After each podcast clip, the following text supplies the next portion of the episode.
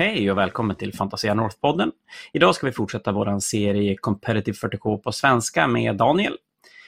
Jag tänkte innan vi slänger oss in i dagens avsnitt så vill jag först tacka alla er som lyssnar på vår podd. Det är otroligt roligt att se och jag hoppas att ni gillar det vi gör. Hojta gärna till om det är något speciellt ni vill höra oss prata om.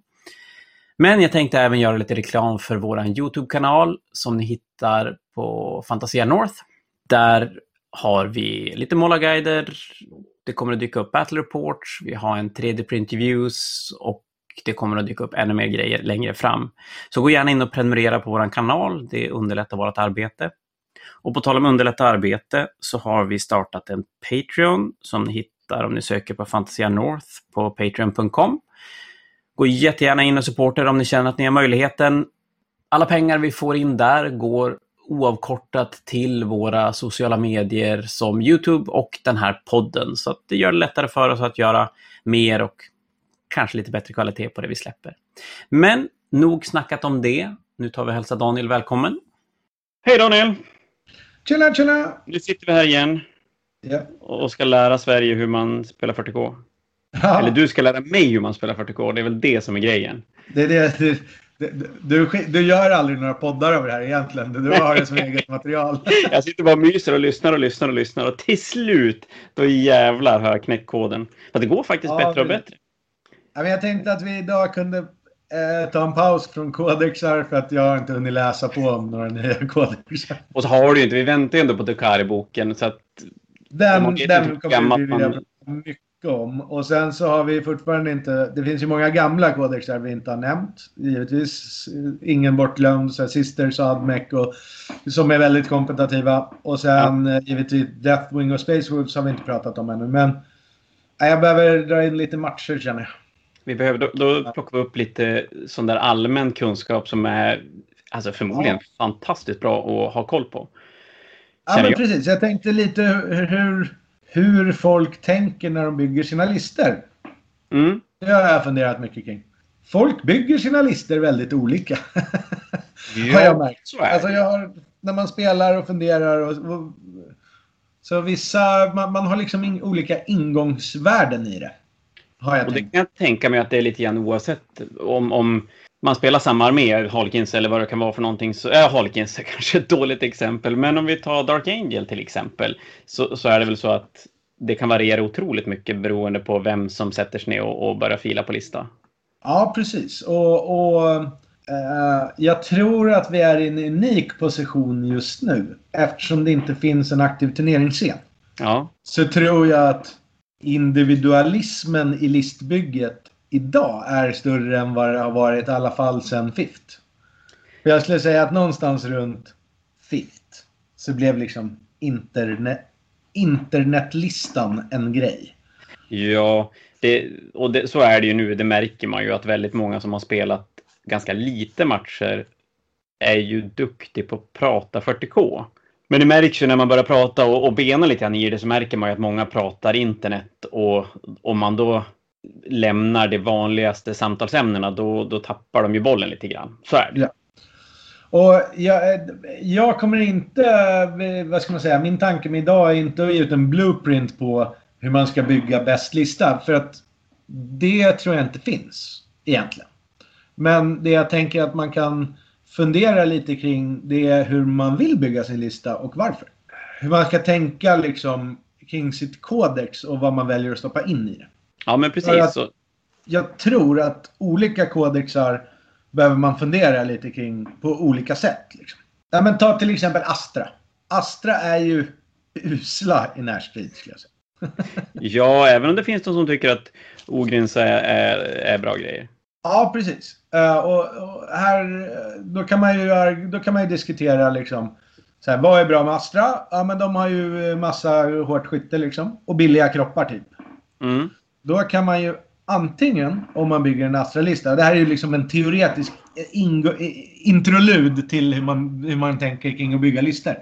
Då kan man ju antingen tänka så här, för att uppfylla alla Battlefield roles, eh, som jag ofta tänker kring, jag brukar, när jag bygger en lista så brukar jag tänka så här, eh, hur, hur hanterar jag tanks? Om jag möter fem, om det står fem knights på andra sidan bordet, hur har jag tänkt? Mm. När jag byggt min lista för att kunna hantera mycket fordon, eller mycket hög toughness på andra sidan.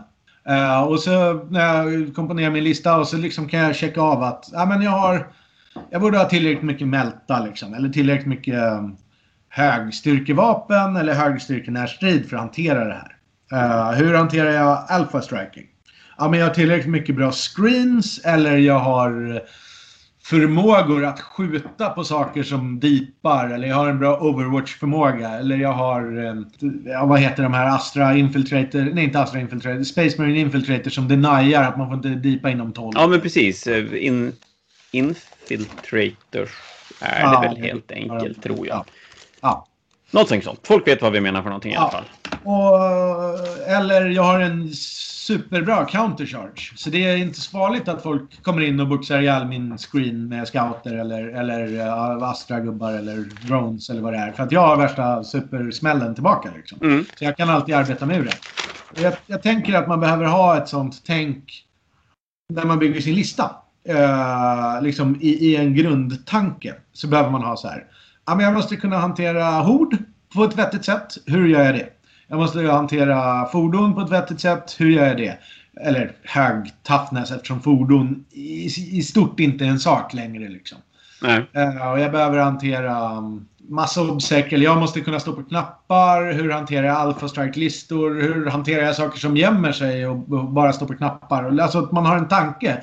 För det finns ju olika spelmekaniker eller liksom arketyplistor som jag tror att man måste tänka så här. Ja, men det här är i alla fall ett svar på. Sen kan ju det här svaret vara jätteolika och det var dit jag ville komma när jag började prata om Astra. Ja. Man kan ju till exempel tänka med Astra så här. Ja, men jag har en superbra countercharge.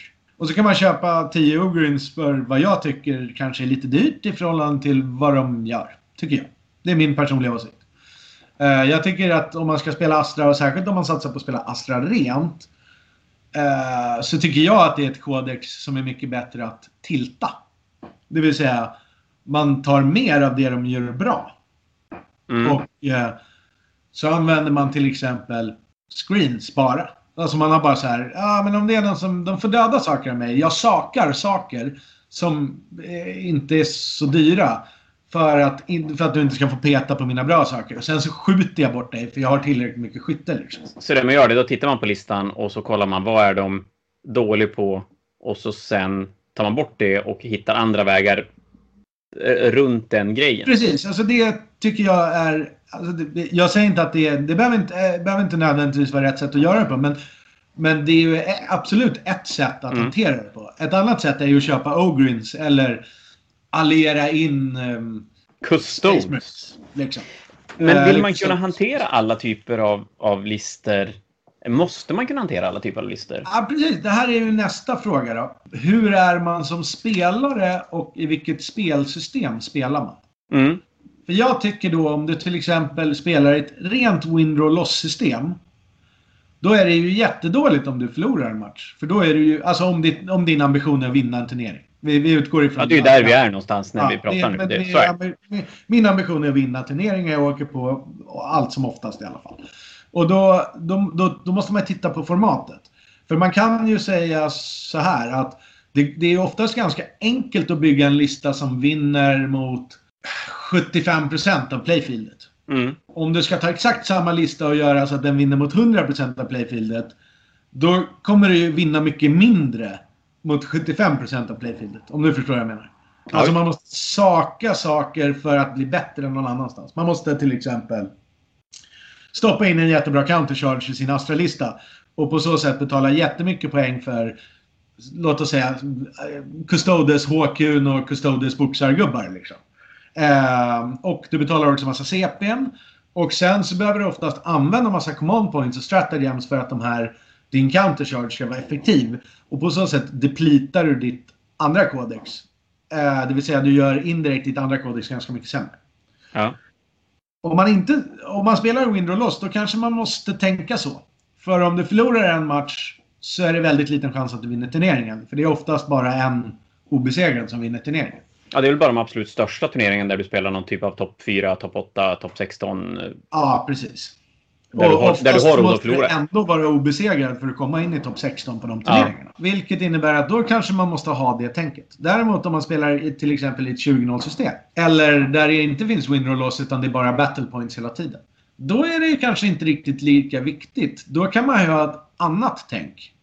Till exempel ett tänk som jag har anammat under många år. Att 20-0 i fyra matcher och 0-20 i en match är mer poäng än 15-5 i fem matcher. Så, så det gäller någonstans att lista ut vilka arméer som man... Alltså då bygger man sin lista för att kunna döda vissa arméer väldigt, väldigt mycket. Men man sackar då någon typ av matchup där man, där man förmodligen inte kommer kunna vinna jättemycket. Precis, och då kan man ju till exempel tänka sig att man håller koll på metat och så känner man så här. Hord är ju inte meta idag.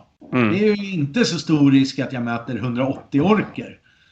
Och om man är en bra spelare så kan man också vara lite kaxig och säga så här. Chansen att jag möter 180 orker och det rattas också av en toppspelare som jag är, är rädd för att möta. Mm. är väldigt, väldigt, väldigt låg.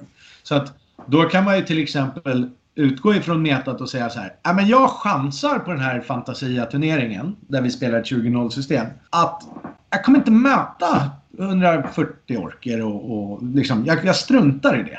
Mm. Uh, och sen så, blir, så struntar jag i aggressors till exempel som var relevant förut i alla fall när de dubbelsköt. Och så tar jag bara, för alla aggressorpengen så tar jag bara mer Melta-gubbar. Ja, och, och, då tänker man så att det, möter man då orkerna då, då är man bättre på att spela och så sen kan man spela och även i ett 20-0-system ska man kunna plocka sin 12-8. Ja, eller 8-12 i alla fall och inte behöva vara ute från toppstriden. För Fantasia kan nog vinnas på 82 poäng också, eller 88 poäng också. Liksom. Ja, så är det uh, definitivt. Rent teoretiskt. Så, så det, det, är liksom med de ingångsvärdena så tror jag att man kan titta på sitt kodex. Jag menar, det är ju hopplöst att få en countercharge till Tau. Liksom. Det är ju bara att glömma. Så att, då, jag har gjort det. det strunt, så om man spelar Tau så struntar man i countercharge och så tänker man så här. Okej, okay, nu behöver jag arbeta i lager här. För att mina broadsides och mina riptides och sådana saker ska få skjuta.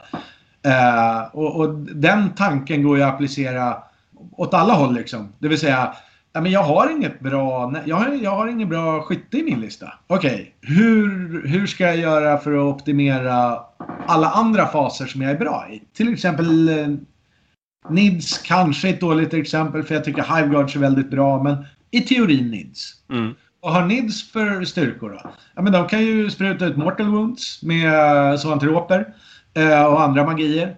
Eh, de, de, kan ju ha enorma mängder obsec eh, som förvisso dör ganska lätt men de har en enorm hastighet. Och det är svårt att döda något man inte ser generellt sett.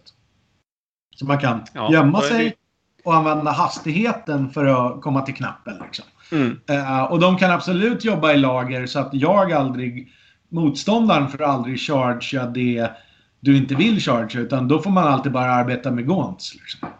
Uh, och, då kan man ju absolut bygga en NIDS-lista utan Hiveguards. Det är ju liksom inte, det är ju verkligen inte unheard of. Och då har man ju försökt fokusera på sitt kodex styrkor och på så sätt skifta liksom balansen. Mm. Ja, för det är väl någonting man, man skulle kunna tänka sig två olika typer av tänk när man bygger lista. Att antingen så, så jag tenderar ju att vilja vara och pilla lite grann överallt. Yes. Att ha lite av allt. Men, men då är det så att då, då tänker du att det ibland kan det vara bättre att, att göra det man gör extra, extra bra helt enkelt. Ja, precis. Alltså um, om, om 80 poäng är mer än 75 poäng på en turnering uh, så är det ju bättre att ta 80 poäng än 75. Uh, eh, och om du gör det mm. genom att göra din lista superbra på uh, två saker istället för tre saker och, och det passar in okej okay i metat, då har du ju en ganska stor chans att få det så på en turnering. Mm. Uh, medans istället då om du tar, vi säger 800 poäng från din Super Nastrids push och lägger in i lite så här subparskytte från Hive, äh, från uh, Carnifexar eller vad det nu är. Uh, då kanske totalen av listan uh, förlorar färre matcher, men summan poäng du spelar in är lägre. Hur viktigt är det? Vi har ju nämnt det tidigare om att sekundära är viktiga och det är klart, det är de ju för det är så du samlar poäng. Hur viktigt är det att titta på sekundära när du bygger din armé? Uh, jätteviktigt. Två ska du ha klara. Två ska mm. du känna att du äger. Alltså två ska vara fiende oberoende. Så till yeah. exempel om du spelar en superpunchy närstridssnidslista så kasta alltid in tre Lictors. Liksom. Uh, mm. För att då har, du dina, då har du dina scramblers, helt klart. Det är nästan ingen som kan göra något åt det för det är en modell med så här stor bas. Liksom, som ja, den är svår att bara behöver komma in någonstans. Liksom. Mm. Och uh, du har all hastighet i världen så du kan troligen spela engage. Och det, här kommer fienden ha De flesta fiender har svårt att interagera med. Jag, med, Medan du, om du har, om du har, säg att du har 90 Hormagans kan interagera med motståndarens de här. Och det här också, det, det, finns ett annat metaspel som jag tycker är intressant. Jag tror ju att Hord kommer komma tillbaka väldigt mycket. Uh, och det är ju för att om man har tillräckligt mycket modeller, då kan du hindra fienden att scrambla. Ja, då kan man ju faktiskt stänga av mittzon kanske i runda yes. två och sådär. Ja, och du kan absolut stänga av troligen din egen zon i runda tre om du, alltså och ja. så vidare. Jag menar, det krävs inte mer än en 20-30 manna Hormagans för att du inte ska komma in i din zon uh, och göra scramble i runda tre. Uh, och då kan det ju börja bli tufft. Ja, då blir samma... de garanterade 10 poäng blir ju väldigt lite poäng om man inte får dem alls. Precis. Och det är samma med Engage egentligen då. Om man spelar Hord. För om du inte kommer in i korten för att det står så mycket gubbar där. Mm. Då får du inga Engage-poäng. Men vad, om, om Hord skulle bli, om vi spånar lite grann framåt och tänker oss att Hord blir ett nytt meta. Skulle då till exempel Space Marines kunna få det lite halvjobbigt? Eller ja, är de precis. tillräckligt bra för att hantera horder? Nej, precis. Men det är lite det är därför jag tror att det kommer bli ett nytt meta. För att Death Guard, Dark Angel, Space Marines. De är alla liksom tuffa killar med hårda slag. Ja, de alltså, dödar, alltså, ju, de dödar ju det de petar på. Ja, precis. Jag vet inte om de dödar liksom 180 modeller med femma in. Jag tror ju eftersom typ gubbar som, om man tittar lite grann de få turneringar som går och jag, tittar lite här. Det är mycket stora modeller just nu. Det är mycket Morty, Magnus, eh, Keepers of Secrets. Eh, det är mycket stora gubbar. Liksom. Och det borde leda till att det blir mycket melt och plast. Alltså det blir mycket, och troligen mältar eftersom det är mycket av de här grejerna. Termin Dreadnoughts, eh, Dark Angel har väl någon, tar bort en damage. Eh, Morty tar, hela Death Guard tar ju bort ett damage. Så mm. plasma blir ju mindre relevant och Blade Guard Veterans blir också lite mindre relevant i det här. Så att jag tror att man kommer få se mer systrar med melt, multimelta, melta. Man kommer se mycket multimelta attack bikes. Man kommer få se mycket mer hårda skott. Och jag menar, döda 180 orker med femma invo med mälta, det är många mältor. Då får man jobba som satan alltså. Ja, så att jag men det, här är bara en metaspaning så. Det, mm. jag tror att det liksom är... Först blir det en mältavåg och sen blir det en hordvåg. Liksom, för det är ju naturligt cykliskt så här. Så jag har börjat spela lite mer hord nu. För att jag förväntar mig en mältavåg. Liksom. Ja. Är den här editionen som vi spelar nu, är den svårare att bygga lister kring än vad det var förut? Eller är det lite lättare just för att man bygger kring sina egna sekundära och kanske då inte behöver ta hänsyn till motståndaren riktigt lika tycker, mycket som förut? Jag tycker att det är enklare. Um, alltså, och, uh, det här faller lite tillbaka till så här listbyggandet i sig. Då. Det, jag skulle säga att det primärt finns tre huvudgrenar i hur man vill bygga sin lista. Liksom. Jag, jag ser mycket att många bygger kring toughnessvärde. Mina gubbar ska leva. Och då väljer man Oftast, oftast skulle jag säga att det är förknippat med att man sakar hastighet. Det blir alltså då, vi tänker Death Guard, Deathwing. Death Deathwing, olika ja, former av Dreadnought-lister. Ja. Uh, lite sådär. Stor, ja, lite, lite åt det hållet. Uh, och då tänker man nog ofta att man ska spela stå, stå på tre knappar, alltså domination. Man tänker att man ska spela mina tre dyraste saker, skittuffa så de ska leva, while we stand we fight. Uh, och sen kanske man väljer något tredje. Jag vet inte. Men mm. någonting där. De här listorna tror jag är jättebra i till exempel Windrow Loss-metan. För de, de kan nog spela sina små vinster liksom. För att de är byggda kring att man dödar inte 10 Deathwing Terminators med alla buffar. Det kommer liksom inte riktigt hända. Och så kan de spela jag ska stå på samma knapp med samma unit i fem turns. Liksom. För att det är ingen som kommer skifta dem därifrån och det, det är stökigt. Och så kan de spela Oath från Space Marines och så spelar de While We Stand We Fight. Och så har de, Ja, sina. Så har de sina tre 45 poäng där och sen så behöver de vadå, fokusera på att ta 10 poäng och så har de 85 poäng. Ja. Så det är, det är ett spelsätt. Och jag tror att det är ett ganska effektivt spelsätt. Lite, lite låg interaktion. Det jag tror är nackdelen med det i sättet vi spelar på i Sverige. Det är att i Sverige så tenderar i alla fall de flesta jag pratar med tycka att ett 20-0-system är intressantare. Mm. Och det en sån här lista inte gör generellt sett är att den boxar inte... Den förhindrar inte motståndaren att stå på sina knappar. Och den förhindrar oftast inte motståndaren att göra sina sekundära särskilt mycket. Så att det, det som händer då är att det, det slutar med såna här 90, 87, 88... ja precis. 90-87. Ja. Uh, och i ett win roll loss system om jag alltid kan vinna med 90 och förhindra tre poäng från min motståndare. Det är ju toppen. För då vin, jag kommer ju vinna turneringen för jag går Ja. 5-0 med höga poäng. Det är klart. Men om man skiftar över det här till ett 20-0 system som vi spelar mycket i Sverige i alla fall. Då är ju 87, 90, det är ju 10-10. ja det, fem sådana matcher, då, då kommer du inte speciellt långt. Nej, då kommer man ju 33 på Fantasia. Ja, det gör man. Inte Och så på ett tröstpris. Ja, på ett röstpris. Ja, nej, det är klart. Men hur blir det om två sådana listor möter varandra då? Om, om, om två sådana här, jag tankar ett objektiv.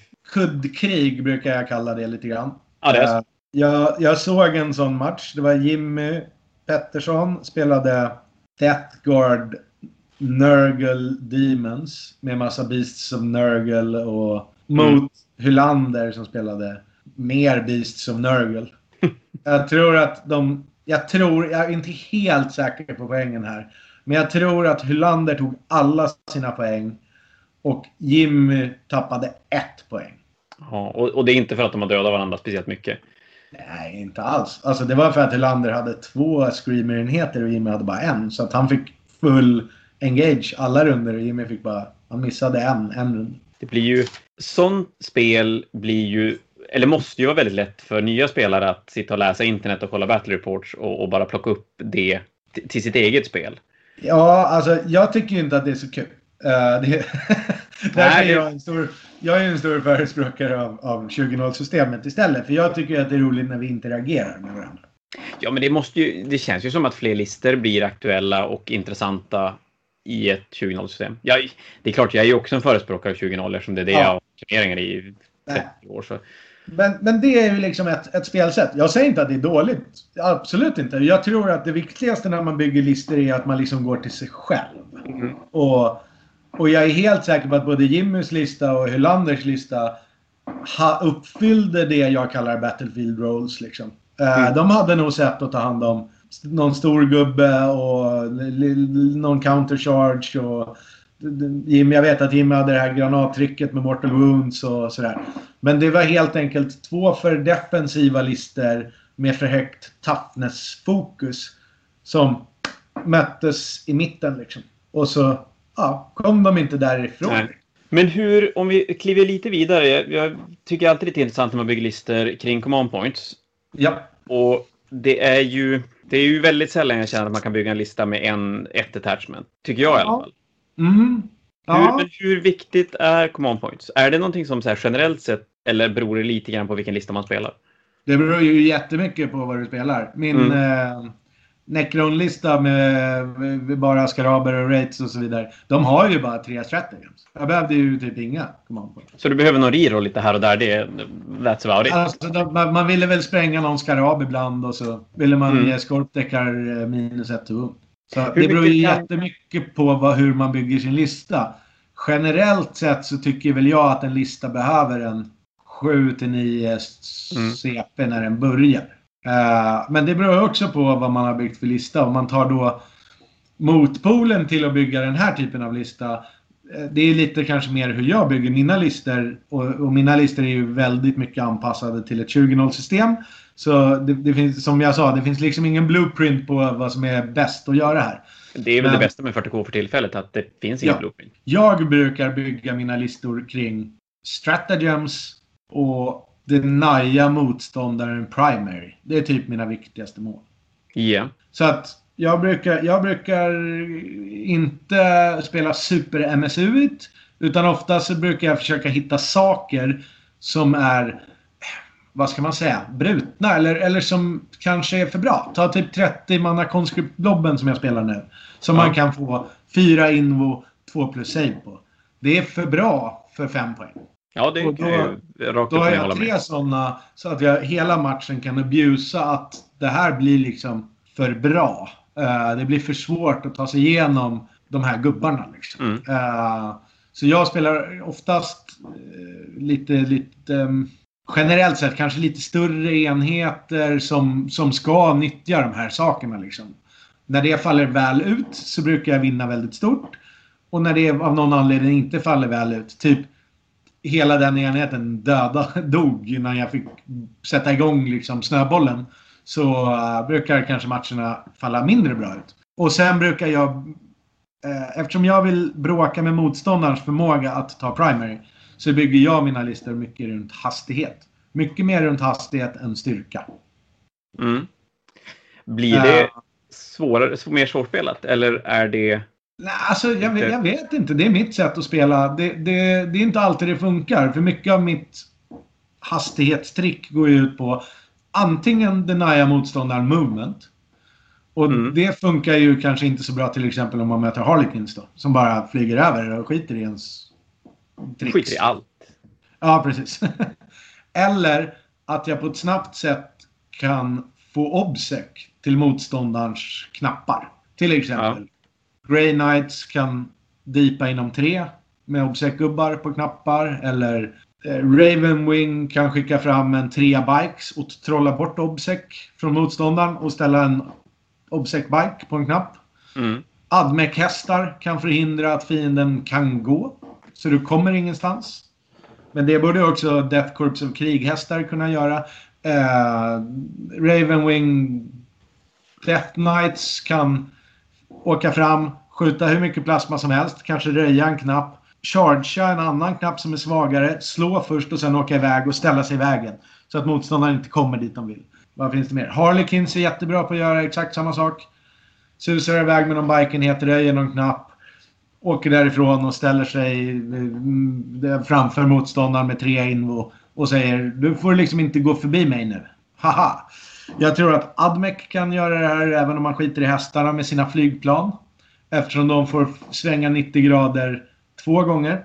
Ja, just det. De kan får ju bli ganska moblockande också. I...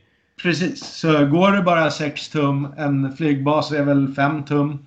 eh, Då kan du inte gå någonstans för att du kan inte klära flygbasen på andra sidan. Du får inte sluta, med, även om Nej, just det. Du får gå över, men du måste... flygbasen så får du inte strunta i... Du får inte stå på flygbasen. Så att sånt försöker jag arbeta med. Givetvis så är det ju bra om man backar upp där. För man kan säga så här, jag har spelat den här Astra-listan när jag började leka med hästar. Eh, och då hade jag typ ingen skadeverkan. Det funkar inte så bra heller.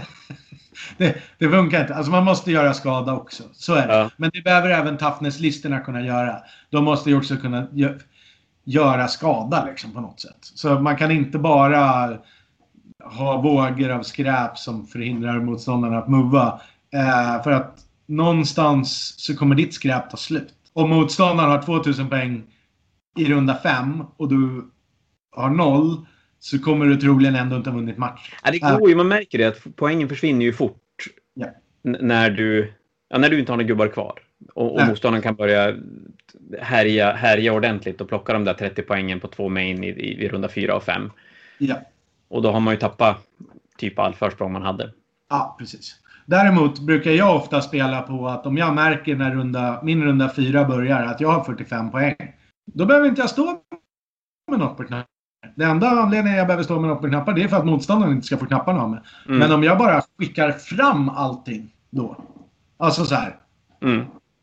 Bara, jag bara ställer upp allt som finns rakt framför. Så här, här hot. Det som lever liksom. Så att de måste vara upptagna där de är. I runda, sin runda 4 eller sin runda 5.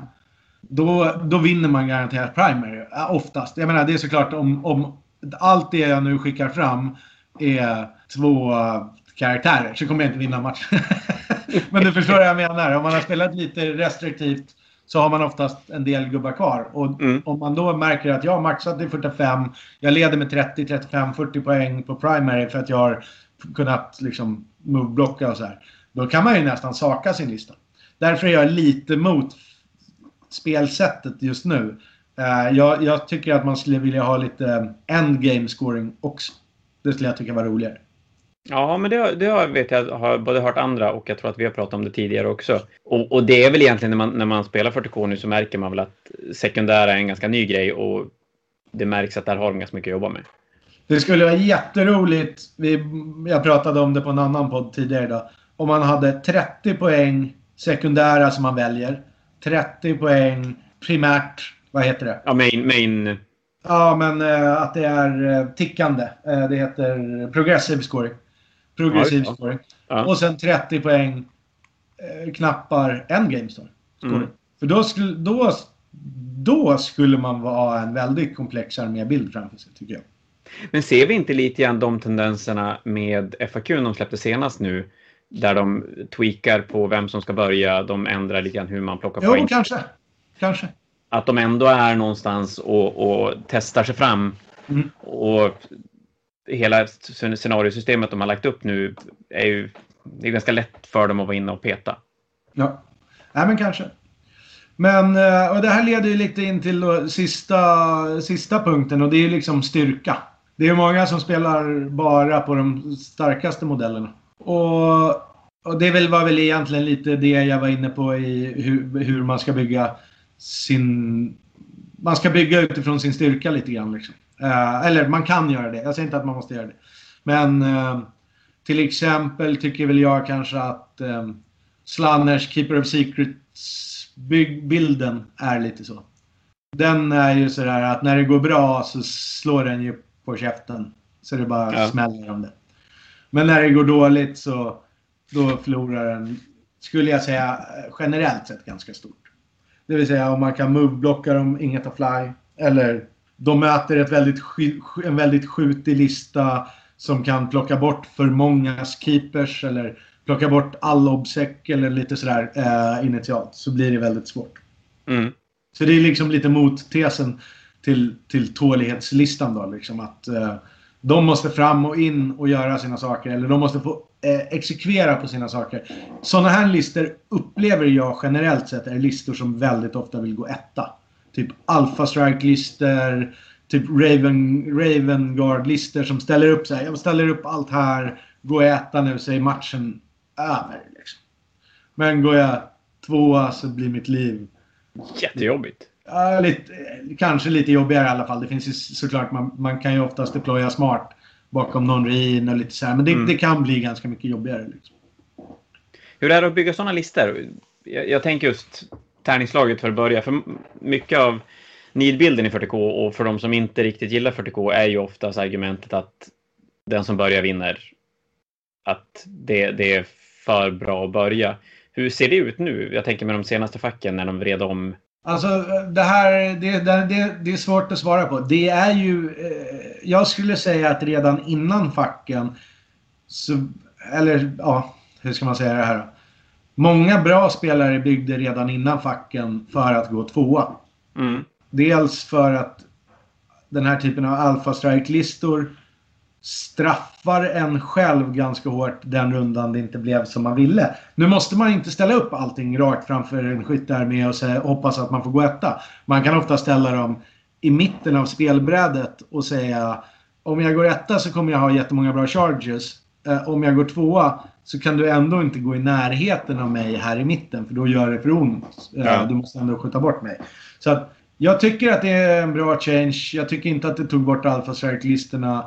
Eh, möjligen att man behöver... Eh, bra spelare som förut byggde för att gå tvåa för att många valde att gå etta intuitivt. Och när de vann slaget själv så valde de att gå tvåa. Liksom. Eh, de kan inte riktigt göra det längre på samma sätt. För de kan ju bli tvungna att gå etta. Och då om man har byggt en för defensiv lista så har man ingen glädje av att man fick gå etta. Utan då tappar man oftast en hel runda liksom. Lite grann. Så man vill gärna ha någonting som kan hota runda ett. Ja, kanske. Eller åtminstone lite mobilitet så du kan komma upp på knappar och lite Mm. sånt där. Så att, så att det inte gör något om du tvingas gå etta. Ja, det. Så jag, jag personligen tycker väl att det var en bra change. Eh, det tror jag vi har nämnt tidigare. Om inte annat så hjälper det ju mindre erfarna spelare för att man helt enkelt inte har ett val. Nej, jag, tycker, Alltså- jag personligen tycker det är jätteskönt att inte behöva välja. Ja, Att bara slå tärningen och så sen anpassar man sig efter resultatet av tärningen och inte Ja. behöva fundera på Nej, Om jag ska gå ett eller- det kanske blir lite mindre så här bonkers. Jag ställer upp mig på linje för man vet så här. Ja, det är verkligen 50-50 här liksom. Eh, tidigare var det ju ändå lite så här. Det är 50-50 men motståndaren ser ju jag deployar så de deployar superdefensivt så då kanske de ändå vill gå tvåa för de kan inte lyckas använda första turen för de står så defensivt liksom. Mm. Så man kunde ju kanske tvinga in folk i att gå tvåa för att man helt enkelt ställde upp sig så här långt fram och eh, bara sa Ja, nu har ju du jämt hela din armé.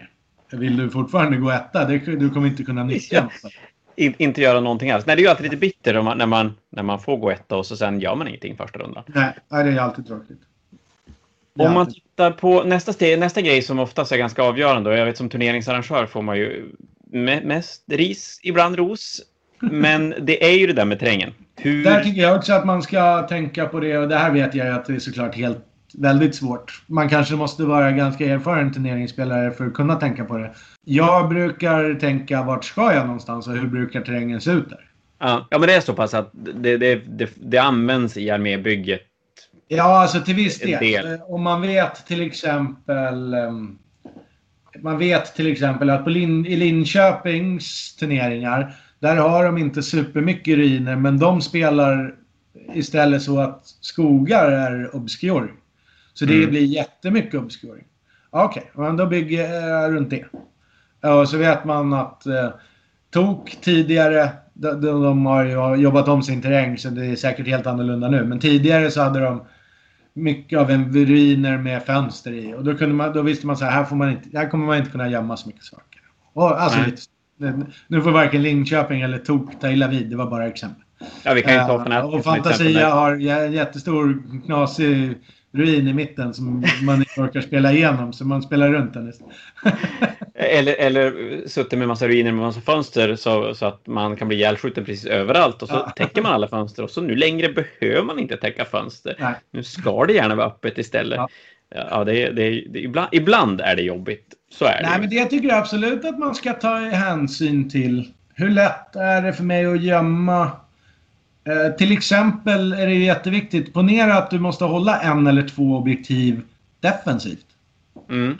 Det vill man ju inte gärna behöva ställa liksom tio paladiner på att göra. Det är ju tråkigt liksom. Ja, det, För de ska ju göra något annat. Så att eh, det är viktigt att tänka så här. Okej, hur kan jag nyttja terrängen? Hur, hur ser den ut?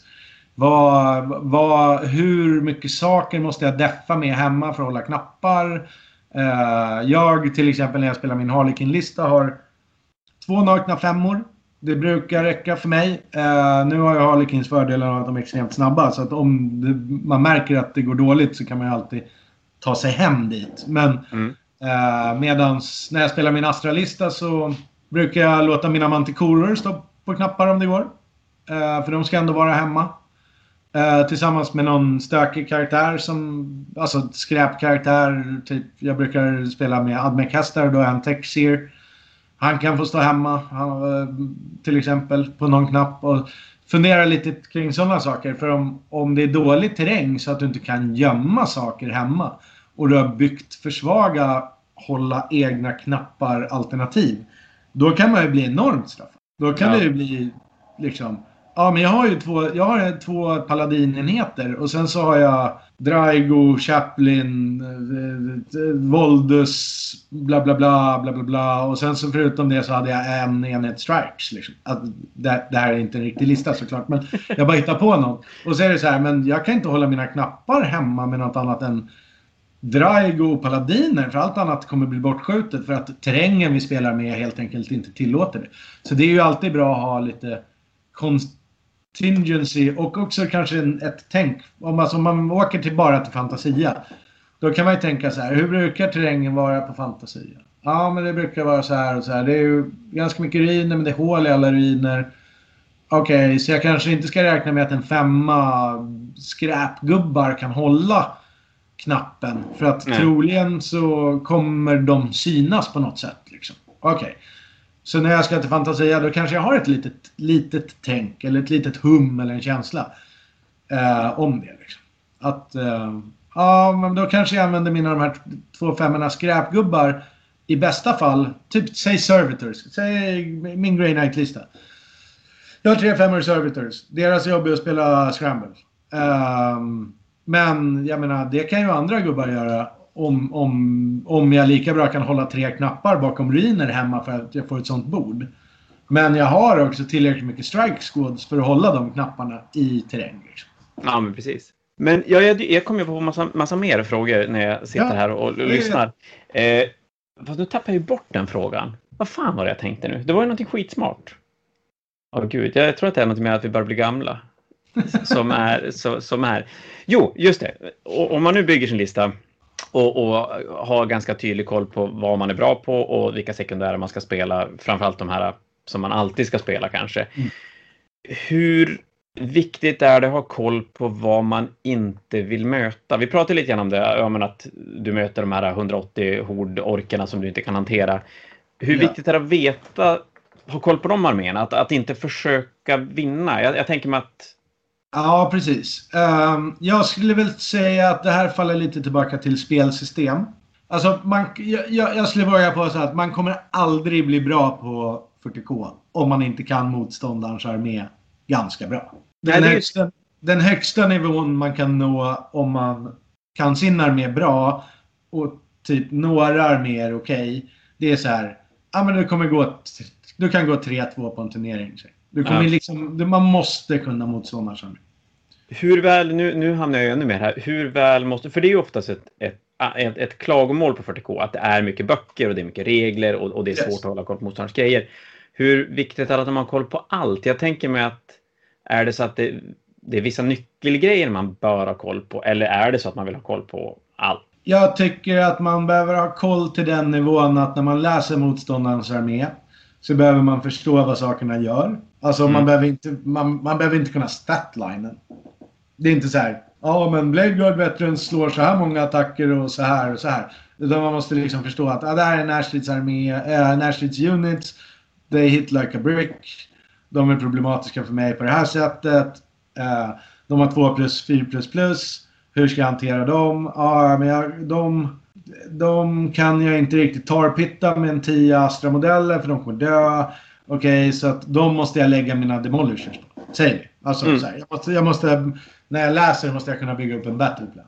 Sen måste man, tycker jag, eh, förstå så här. Okej, okay, de är white scars, så de har hit and run, så de är snabba, de får advance och chargea, de får göra de här grejerna. Sen tycker jag, och så spelar i alla fall jag alltid, och jag tror nästan alla bra spelare gör det, och jag tror nästan alla gör det. Resten tycker jag att man typ kan lösa vid spelbordet. Ja. Jag tycker man kan säga så här. Vad är det för strategi jag ska, ska se upp med? Du vet, vad vad har, vad har du för tricks? Mm.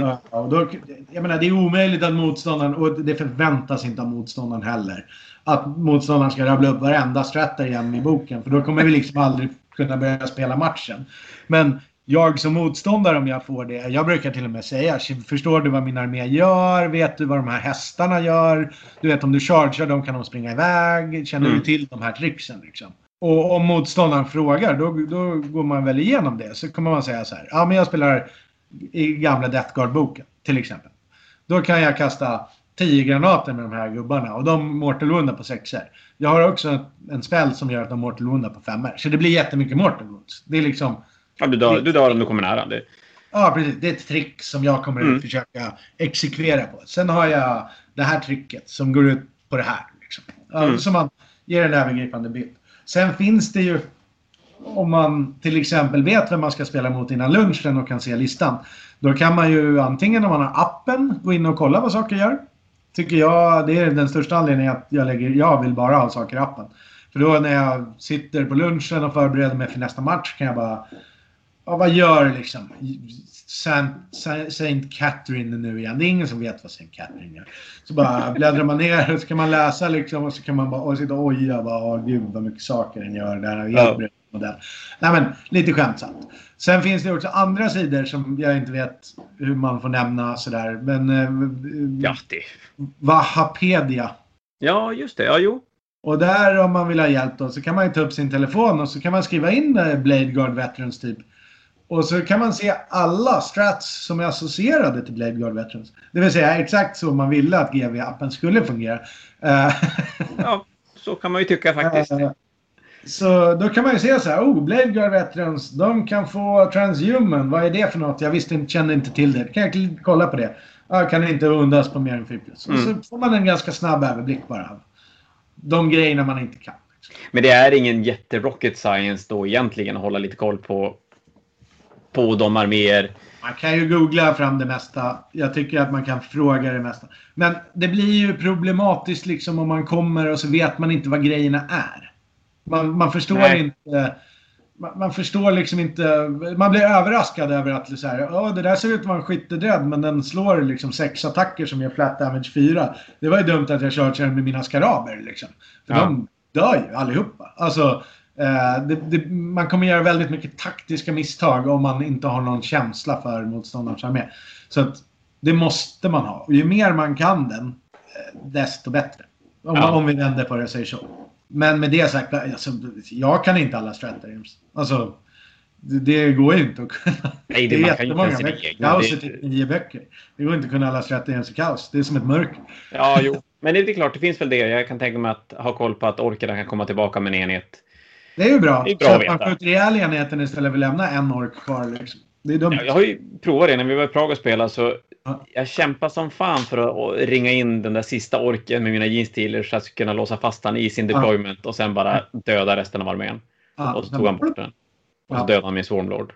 Och så blev det ett ganska tråkigt liv efter ja, det. Ja, det blir tråkigt. Sånt är, sånt är trist. Det hade varit kul att veta.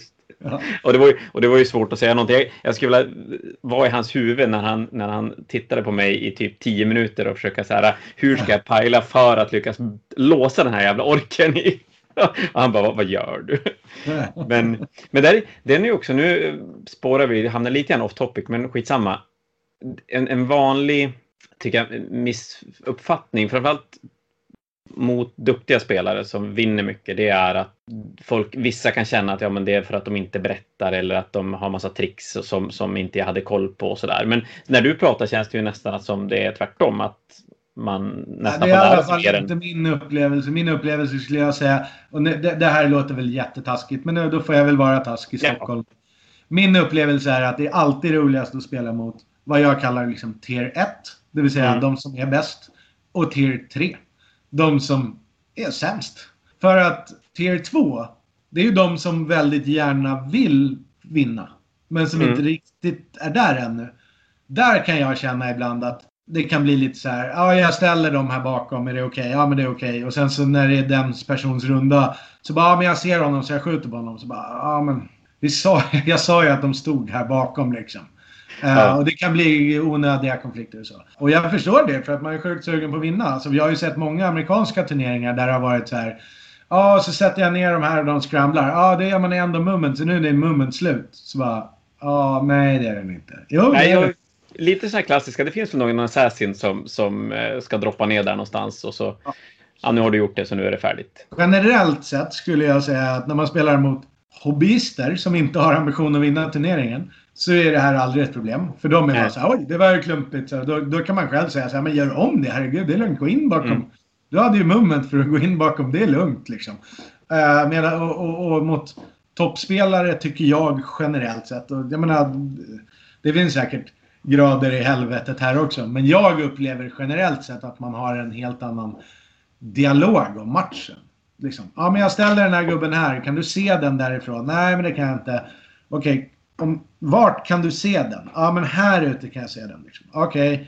kan du nå dit? Ja, men om jag advansar en femma eller en sexa. Okej, okay, men då han stå där. Du är nöjd med det. Och så är man överens om han advansar en femma eller en sexa. Det blir liksom aldrig någon annan gång han advansar en fyra och går och så bara, ja men fast nu ser jag den faktiskt. Så bara, Ja, nej, det är klart. Nej, Dialog och den, den tycker jag var ganska... Det, det gör ganska inte alls det. Då, då går han in. Vi, vi, vi löste just det här tidigare. I min moment face var det här redan löst. Liksom. Jag, ty, jag tycker inte alls det. Om någon någonsin tycker att eh, det är så när de spelar mot mig får de gärna säga till. För jag har inte för avsikt att överraska någon alls. Jag vill Nej. inte att man... Jag vill inte vinna för att man har glömt någonting. Det vill säga om man har skjutit två laserkanoner i sin runda och sen kommer man på att vänta, jag vill ju kasta Fortune.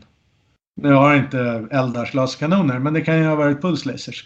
Eh, Så eh, får man jättegärna kasta Fortune liksom. Det är lugnt. Du kommer inte glömma din psychic face. Det, det är inte så jag vill vinna en match liksom. Det är Nej, men så är det ju. det är ju. Man vill ju vinna för att man... Höll på att säga rulla bättre tärning. Nej, för att man, Ja, man alltså, gör man, bättre beslut få, helt man kan ju få göra movement i min movement. Om det var så här, du, jag glömde flytta mina swooping hordes till knappen. Det hade jag tänkt att göra. Det var ju jättekonstigt. Mm. Ja, ställ dem där. Det har jag väl räknat med. Varför ska du lämna knappen Ja, obevakad? det är väl egentligen bara om det är saker som har sen påverkat tärningslag eller, eller Ja, sådär. alltså om det blir konstigt efteråt, visst. Typ, Mm. de står egentligen där. Jag förstår det, du vet det, för att göra en scramble. Och sen advansade inte du tillräckligt långt. Eh, eller du missade en charge som skulle nå en knapp. Och sen kommer du på att du vill flytta dem. Då blir det lite så här, okej, nu kanske det har hänt lite för mycket saker som Ja. skulle ha gjort att de har kommit dit. Men ska jag vara helt ärlig, ganska ofta i alla fall så kan du få stå där. Det är okej. så länge du tycker det är okej att jag föser in min gubbe och säger han står där. Du, ser inte honom. Så Ja, är det. Det, det, lite, lite ge och ta är det väl också Ja, men lite. när man spelar. Lite så. Jag tycker, grejen är att det går att fuska så himla mycket för det går. Ja, men hur mycket som Det går att helst. fuska hur mycket som helst för ingen har koll på om mitt stratagem kostar ett eller tre. Ingen vet exakt vad mitt stratagem gör. Ingen orkar kolla när jag slår mina 90 läsgunskott liksom. Det, det går att fuska mycket som helst. Ja. Så om någon vill fuska mot mig så kan de göra det. I alla fall. Så det, det är bättre att bara ha en skön dialog och spela ärligt och rakt. Liksom. Jag Men det som är bra med det- på Motståndare slår tärning. Det är, det är ingen som orkar titta på Nej, mitt gud, nej. Och man vill ju framförallt inte börja... För, för risken är att man blir så jävla tiltad och man börjar tro att motståndaren fuskar och så blir man bara Ja. sur och så får man huvudvärk och så blir det inget roligt någonstans. Man kollar kanske på det där spännande slaget, det vill säga advansar han en sexa så att han kan skjuta ihjäl den där grejen som måste stå där. Liksom. Ja, det gör man kanske inte mer för sin egen skull, mest för att man, det är bara spännande. Ja, för att det inte... Precis. För att det det- för att det är trist att, också trist att spela mot någon som sitter så här när du gör din turn.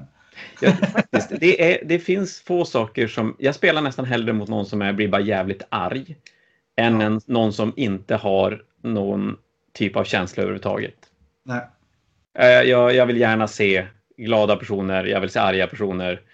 Eh, Gärna ibland uppgivna, men, men inte bara ett, ett stoneface rakt genom hela matchen. Det är frustrerande. Nej.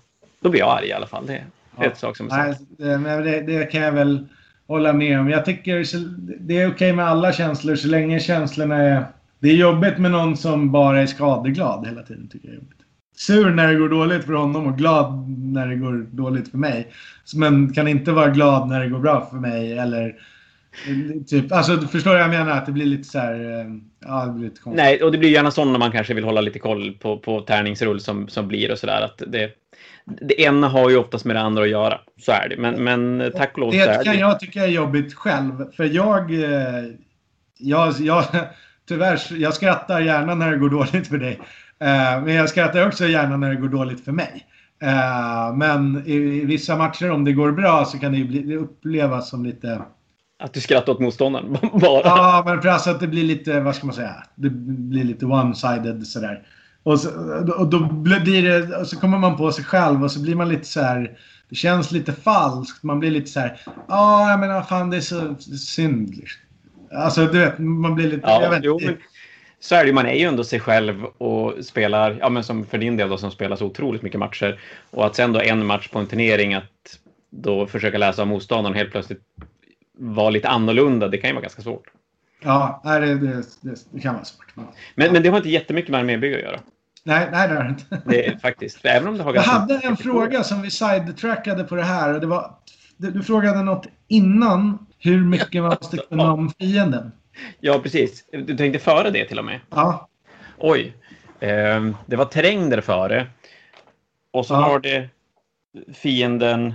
Och sen vet jag inte. Jag blev så pepp på att avbryta dig där någonstans. Jag, jag kommer inte heller ihåg. Det är lugnt. Okej. Jag, vi började peta på det och då kom du in på så här, hur mycket måste man veta om fiendens Ja, armé? precis. Jag vet att jag sa någonting i alla fall. Ja. Sitter någon säkert här och vill veta precis vad du tyckte om det. ja. Får vi, då får vi ge det någon annan gång. Nej, det Ja. vet fan vad det var för någonting. Eh, däremot var det intressant för, för just det här med att kunna motståndarens armé. Det är ju någonting som ofta återkommer i 40K. Kom du på det? Jag kom typ på det. Det var... Jag började säga att det hängde ihop med vilket spelsystem. Och det var... Jo, du var inne på så här... Eh, för att veta om... Förstå matchupsen. Ja, men just det. Att, att veta när du inte kan vinna mycket. Eller när du kanske inte kan vinna. Och att det, går du in för en 20-0 då riskerar du bara få den i, i eh, baken Yes. istället. Och i det här... Jag tycker att det här är väldigt enkelt. Det är såklart att det är, ibland så kommer man till ett bord och så känner man så här. Åh, varför spelar jag 40 mältor när jag möter 180 orker?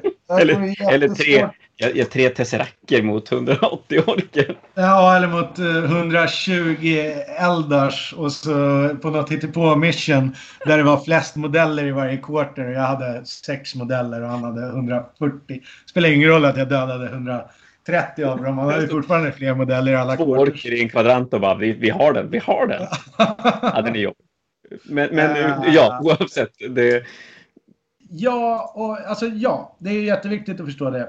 För att om man spelar i Win Draw Loss och du kommer till ett bord och inser att det här kan jag bara vinna på en jävla Hail Mary. Då Mm. är det ju absolut ingen anledning att inte sa- satsa på en Hail Mary. För att om du inte lyckas med den så har du ju ändå förlorat. Ja, det är ju sant. Där, där du ändå måste vinna alla matcher. Ja, så att jag har ju jättemånga gånger när jag har kommit till ett sånt bord. Bara så här, när det var typ eh, placera ut egna objektiv. Så bara, ja, jag lägger ett här. Ja, jag lägger ett här. Ja, jag lägger fortfarande ett här. Ja, jag lägger ett här. Ja, jag lägger ett till här borta. Det är bara allt på en sida liksom. Bara maxa Mm. upp en sida. Får inte jag den sidan har jag ingen chans att vinna matchen. Men jag hade typ ingen chans att vinna matchen i alla fall. Så då kan jag lika bra göra allt jag möjligen kan för att tillskansa mig en möjlighet att vinna. Ja, för att, att, ha, att baka ner det till ett enda tärningsslag och, och vinner du det Ja, tärningsslaget precis. Och bara, om jag har tur nu så då är, jag, då är det match igen. Liksom. Har jag otur så då är det ännu mindre match. Men det spelade ingen roll för jag hade ändå ingen match. Det kan ju vara så här. Eh, ja, men eh, om jag bara spelar massa gubbar med mältor och jag inser att det, det är meningslöst att skjuta orker med mältor. Då kanske jag ska bara försöka tagga upp orkenheter i varje kant. Liksom. Mm. Eh, så att det, jag får slå mer på hans orker än vad han får slå på mig. För han får inte konsolidera liksom, åt olika håll och bryta coherency och sådana saker. Så då bara springer jag med mina meltor och chargear och försöker göra så. Alltså, dåligt exempel kanske. Mm. Men, men rent krasst så kan det ju vara så att det är bättre att chargea med Lehman Russen i hörnet än att skjuta fyra meltaskott på orker. Liksom, för att Ja. man dödar en och en halv. Eh, Det, kommer inte, det spelar ingen ingen blir ledsen. Liksom. Ja, absolut. I ett win draw loss system då tycker jag absolut att om du satsar på att vinna, kör. Sätt allt Mm. liksom. Försök hitta på ditt eget win condition och bara gör, försök göra det. Liksom. Men i 20-0 då, då gissar jag att det är Nej. nästan precis Då tvärtom. tycker jag att det är exakt tvärtom. Då tycker jag att det är mycket, mycket bättre att inse snabbt att det här är ingen bra match. Hur ska jag klara av det här? Ja, men det kommer jag nog inte göra. Men jag kanske om jag bara gömmer mig, gömmer mig, gömmer mig, gömmer mig, står på de här knapparna med allt och spelar defensivt som fan kanske jag kan ta 8 poäng. Och då har jag chans att ta 88 poäng på turneringen och det är ju en topp 3 liksom. Ja, ja, så är det ju definitivt. Och lyckas du då möta rätt spelare längre fram så att du kan slå bort någon annan, då Precis. kan det ju till och med vara ännu bättre. Men hur, om man då ska spela för... Jag tänker mig, i alla fall när, när jag spelar matcher utanför turnering, då, då spelar jag ju för att, för att vinna. Ja. Så är det ju. Men Ja. är det bra att ha den tanken när man spelar matcher utanför turneringen också? Att lära sig spela den där typen av matcher? Eller kommer det naturligt att hända när du möter sådana arméer? Ja, det finns nog olika skolor i det här. Jag vet inte, jag kanske är en slö individ i hjärnan eller något. Men i min värld är det så här att jag lär mig typ bara när jag spelar matcher och jag lär mig Mm. typ bara när jag åker på spö. Uh, så att vinna, match, vinna övningsmatcher det är typ det sämsta jag vet. För man, jag lär mig ingenting. Det är ju kul att vinna. Så kommer man till turnering och så har man inte lärt sig någonting. Så åker man på spel. Och så uh, lär man sig till, till, nästa turnering istället. Ja, precis. Det har hänt några gånger i, i nionde redan kan jag och säga. Uh, Ja, det kan jag ju tänka mig i och för sig. Ja, när jag spelade Harlequins första turneringen hade jag gått så här 120, 120. Så kom jag till första turneringen, bara 120. Andra matchen 120. Jag bara... Jag gör exakt som jag har gjort hela tiden, för det verkar ge resultatet 120. Så möter jag en kompetent spelare med Abmec och så bara 20-100. Bara, ah, fuck, det känns som jag gjorde något fel i den här matchen. För jag borde ha verktygen för att vinna det här. Så bara, vad gjorde jag för fel? så bara, vi testar en gång till. 2000, så bara, nu vet jag vad jag har gjort för fel. ja, men den är ju schysst ändå. Den, den, det tror jag många kan ta med sig att spela och att förlora. Att det är nästan bättre att förlora träningsmatcher. Ja, förlora era träningsmatcher, herregud. Och försök lista ut vad är jag dålig mot? Varför är jag dålig mm. mot det? Vill jag vara dålig mot det? Okej, okay, men låt, vi tar lite matcher. Hur dålig är jag mot det? Hur dålig är jag mot eh, orker med mina 40 meltor? Är det, är det kattkiss eller är det okej? Okay? Dödar jag tillräckligt mycket orker för att komma ikapp i runda fem liksom? Uh, så att man förstår när man kommer till bordet att så här, ja men den här matchen, är, jag har ju spelat där förut och om han är för offensiv nu, då kan jag spela mitt spel. Om han är defensiv, ja men då är det kattkiss. Det blir inget bra. Det är ganska kul, för då nämner du en till sak som gör det ännu svårare att egentligen bara titta på internet och berätta hur spelet fungerar. Att det hänger ju rätt mycket på hur motståndaren spelar, som du säger. Ja, ja, absolut. Alltså det finns ju jättemånga matcher där, särskilt på ETC, när jag har sagt så här. Eh, jag kommer inte vinna den här matchen om, om han inte engagerar.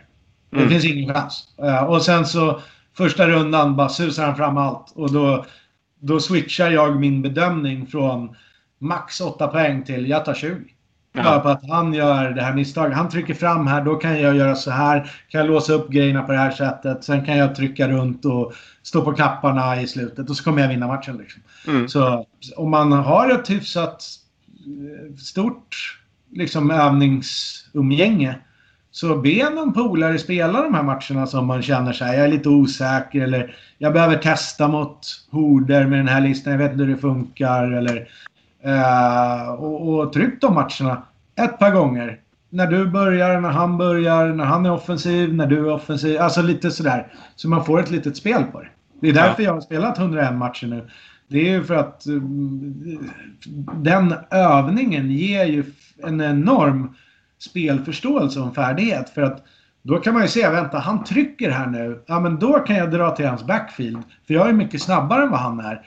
Och då kommer inte han åt de här gubbarna vilket ger mig ett, en spelfördel för då kan jag spela engage ostört eller jag kan hota hans svaga hemmascoring-gubbar. Mm. Men om han spelar som en mur och bara rör sig sakta framåt ja, men då, då, kommer han bara äta mer och mer av bordet och då kommer jag förlora och så vidare. Så man får in den känslan och kan se när motståndaren öppnar upp de här små misstagen för det är, det, ofta är det ju det man vinner på. När motståndaren overextendar lite grann för att han har vinstvittring. För han vet att han är en bra peng. Mm. Han vet att han borde vinna det här. Så han går för den där 20 istället för att nöja sig med 18? Han trycker och... fram lite grann för mycket och så bara, nej men det här, det här scenariot känner jag igen. Om jag gör så här och så här nu, då, då har jag spel här. Då, mm. då kan jag vinna den här, då kan jag vända den här matchen. Vä väldigt intressant och uppenbarligen, eller ja, det vet jag ju själv också, jävligt mycket att lära sig. Men egentligen kanske mer vid brädet än i arméboken.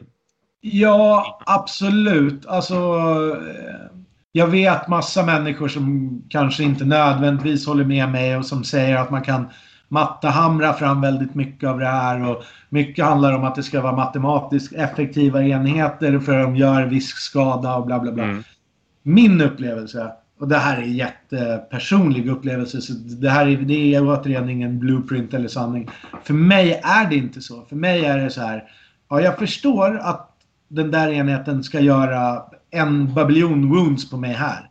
Men om jag står här, göra noll wounds, och så om jag gör så här och så här, då kan jag, och så kan jag göra att den enheten som är det farligaste i spelet blir ineffektiv och får gnaga på något annat. Och då Mm. kan jag... Och så liksom... Så spela. Spela 40K. Det är ju extremt belönande för att man blir bättre på det och det är ju jätteroligt. Det är ju roligt också, så är det ju. Man, man, Det är ju- Superrolig hobby. Och så kan man stoppa in liksom... Det är också någonting som berör Army Construct lite som jag verkligen rekommenderar. Försök hitta 14-1500 poäng kärna ja. i din lista. Som du vet hur det funkar, som du är nöjd med, som du känner så här, de här grejerna levererar hela tiden, det här är bra. Eh, de här spelar de här missionsen åt mig och de här gör den här skadan och så här. Och sen i övningsmatcher framför allt, utmana dina sista 500 poäng. Cirkla dem. Cirkla inte hela listan för du blir inte bättre på det. Cirkla 500 poäng. Ta liksom Ja, men, eh, jag gillar, eh, vad ska man säga? Jag gillar för 15 Blade Guard Veterans, jag gillar de här två karaktärerna, jag gillar mina infiltrators för de gör det här. Mm. Eh, check, det är mina 1500 poäng. Ja, men jag testar kör lite multimelt attack bikes istället för um, istället för uh, uh, vad heter de? Meltagubbarna. Eradicators. Eradicators. De gör, har ju samma Battlefield roll, men då får jag lite hastighet och det kanske kan vara spännande. Eller eh, jag tar mm, plasma, något annat istället för plasma inceptors för att mm, de kan jag sätta i en impulsor, eh, typ Hellblasters eller något. Och de funkar ju på det här sättet. Och då kan jag göra, alltså våga utmana vissa delar. Nu kanske man, inget av det jag sa är något man byter ut, för det är ganska bra Nej. enheter. Men Men tanken är ju... Det brukar alltid finnas ett par hundra poäng som är rörliga i listor. Ja. Eh, och snurra dem och behåll kärnan. För ju mer du spelar den kärnan, desto bättre kommer du bli på den och desto mer kommer du lära dig dina stratagems. De kommer sitta i huvudet. Mm. Det kommer göra så att du sparar de där två CP'na för du vet att de är viktiga för att kunna göra det här och det här tricket som du vill göra. Eh, och så snurrar du andra saker för då kommer du, våg, då kommer du hitta andra spelsätt. Egen, en egen lista som inte är en copy-pastad internetlista. Som Och då skulle man ju kunna copy-paste, eller då skulle man kunna kolla runt lite grann på, på komparativa listor och försöka hitta en kärna där. Om man, om man vill tjuva lite grann och utan att man måste speltesta allting själv. Och sen då tar de, som du säger, de sista 400-500 poängen och, och testa massa knasiga grejer. Och se lite grann vad, vad som funkar för en själv. Absolut. Det, och då blir det liksom... Jag kallar det för att härda listor lite grann. Mm. Eh, så jag, jag brukar ha 500 poäng och så ju närmare jag kommer en turnering desto färre rörliga delar har listan fram till liksom listingskick. Mm. Eh, och i slutet, i slutet på riktigt kan det handla om fem poäng. Alltså ska jag ha den här granaten eller en Hunter Killer Missile? Var, va- varför liksom? Den är situationellt bra, den här är alltid bra, hur ska jag tänka? Och då har man liksom förädlat fram en lista till den punkten. Liksom. Att Mm. man sitter och bollar mellan två reliker, 10 poäng eller en, en Ska ha en billigare libbe och en smashigare kapten eller en dyrare libbe och en lightning gubbe. Alltså, lite så. Ja, det är ett intressant eh, armé-tänk och det blir ju mycket roligare än att bara ta en internetlista och, och det blir ju sin egen lista. Sen tror jag också att du, det du sa där med att, att veta vilka strategems och grejer, det man gör där också, så man sparar ganska mycket tid. Och det är klart att kunna lägga tio minuter extra på att flytta sina modeller rätt istället för att sitta och bläddra i sitt, sitt kodex för att jag vet att jag har ett strategem som gör typ det här. Ja. Ja, Och, och det, det har man ju... ja det är ju mycket skönare för spelet också. När det flyter på. När man bara... Ja. Ja. men jag kastar min plus ett ont. Man behöver inte ens komma ihåg vad den heter. Det är inget viktigt för det är ingen annan som vet vad den heter. Men man, det är bra att veta att man har den och det är bra att veta vad den kostar. Liksom. Ja, så är det. Gör, om man inte kommer ihåg grejerna, gör en, gör en lathund. Ja, det är ju faktiskt bra. Det gjorde jag, jag vet att det gjorde jag när vi var och spelade i Prag. Att jag tog ut de här strategemsen som det här vet jag att jag kommer att använda. Ja. Och, och då behövde jag inte bläddra igenom massa skit, utan då, då fanns de där. Och, och, Man kan ju göra en datautskriven lathund med alla stratagems som är så här lång. Där man inte skriver vad stratagemet heter utan man skriver så här. Resurrecta en kryptek 1 CP. ja. Spränga en skarab 1 CP. Ja, för det är ingen som bryr sig vad de heter och ingen kommer att Nej. ifrågasätta dig överhuvudtaget. Nej, särskilt inte om du har en utskriven lista där det står vad allting kostar. Liksom. Då har man ju förberett sig. Det är såklart man kan fuska i den, men i sådana fall om någon säger så här, men jag har ju spelat Necron så jag vet ju att den kostar 2 CP. Ja, men då får man väl bläddra fram den i boken och visa Ja. det. Att den kostar 1 CP. Men Men det, det kommer att vara få gånger däremellan som man behöver Ja. göra en sån sak. för en sån lathund, jag menar, om man, om man, så kan du ju ha de, de du tror att du ska använda, kan man ju ha högst upp. Så har Mm. man liksom en liten spill på 10 stycken till. Man kan ju ta bort dem man vet att man inte ska använda. Typ så här, jag spelar inga Scorptech Destroyers. Man behöver inte skriva med minus 1. Nej, Det är rätt meningslöst. Men tar man bort alla man absolut inte kan använda. Jag menar, det är oftast inte så mycket. Det är typ 15 strats. Det är 15 Ja. rader om man har förenklat dem så här. Får kasta en order till Astra 1 CP. Ja, det är bra att veta. Det är en sån här grej som jag inte skulle ha skrivit upp. Men den gången jag måste lyckas med run, run, run på två ställen så är det ju ganska bra att veta att det går liksom. Ja, det kan ju vara den matchvinsten som, som försvinner och det är ju... Jag förlorar ju hellre en match där jag gick lite fel och blev utnyttjad av den anledningen än att jag förlorade för att jag glömde att jag kunde göra ett extra wound Ja. i slutet Och- på Close Combat. Ja, precis. Alltså, kan göra ett mortal wound.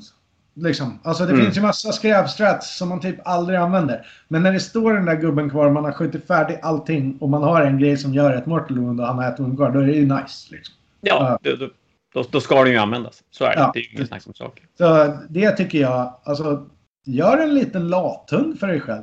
Med allt möjligt. Alltså, oftast vill man ju ändå ha sin, sin army list som man kan visa eller lämna över. Mm. På baksidan av den kan man ha skrivit upp sina strats. Det är också jättesnällt för motståndaren. Här är min army list. Här är alla strats. Ja, och till och med highlighta att de här, de här, De de här är, de är bra på riktigt. som är innan mellanrummet här, det är det jag brukar använda. Så nu har jag en idé om vad jag gör. Ja. Det är Ja, en schysst, schysst grej liksom. Samma med så här, i den lathunden, spelar du en magitung lista. Skriv så här. Mortalunds på mot leadership eller. Så kan du kolla själv. Ja, men den gör det. Den kostar sju warp charges. Men det är också snyggt att lämna bort. Här är min lista. Här är allt jag gör. Så. Ja. Då kan ingen heller bli ledsen eller gnälla. Nej, vi slipper ju massa bråk. Jag visste inte att du kunde göra ett Mortalund på den här ensamma gubben här borta. Så bara, ah, nej, alltså visst, men det står ju på baksidan. Du kunde ju ha läst det. Ja, vi slipper ju. Och det är ju tillbaka till det här med dialogen. Pra- Pratar med din motståndare så, så eh, blir det inte lika mycket konstiga situationer som man sen måste börja bråka om. Sen Men finns det jag alltid för- situationer när folk blir ledsna. För att det, det finns ju situationer när man förklarar och säger så här. Jo, men om inte du attackerar i olika initiative order så kommer jag kunna tanka alla träffar på den här killen med 2 plus med rerollable. Alltså, Mm. Och Ja. sen så attackerar man med 100 orker och så tar man ett wound. Det är ju jättetråkigt och det är ju ingen, det är svårt att matematiskt föreställa sig när någon säger så här. Ja, men jag kan tanka bara med 2 plus reroll. Men det- ja, det... Eh, då- Någonstans måste ju, ja, någonstans måste ju besluten lämnas till motståndaren ändå. Ja, Man, man kan ju inte spela båda arméerna. Det blir, det blir så konstigt. nej, här blir det stökigt. Men du Daniel, nu tror jag att vi har täckt allt möjligt 40K. Med lite listbygge och, och lite hur man beter sig vid ett 40K-bord. Ja, men då säger vi bara tack för, tack för ikväll. Ja, Gör vi. Ha det. Hej. Hej, hej.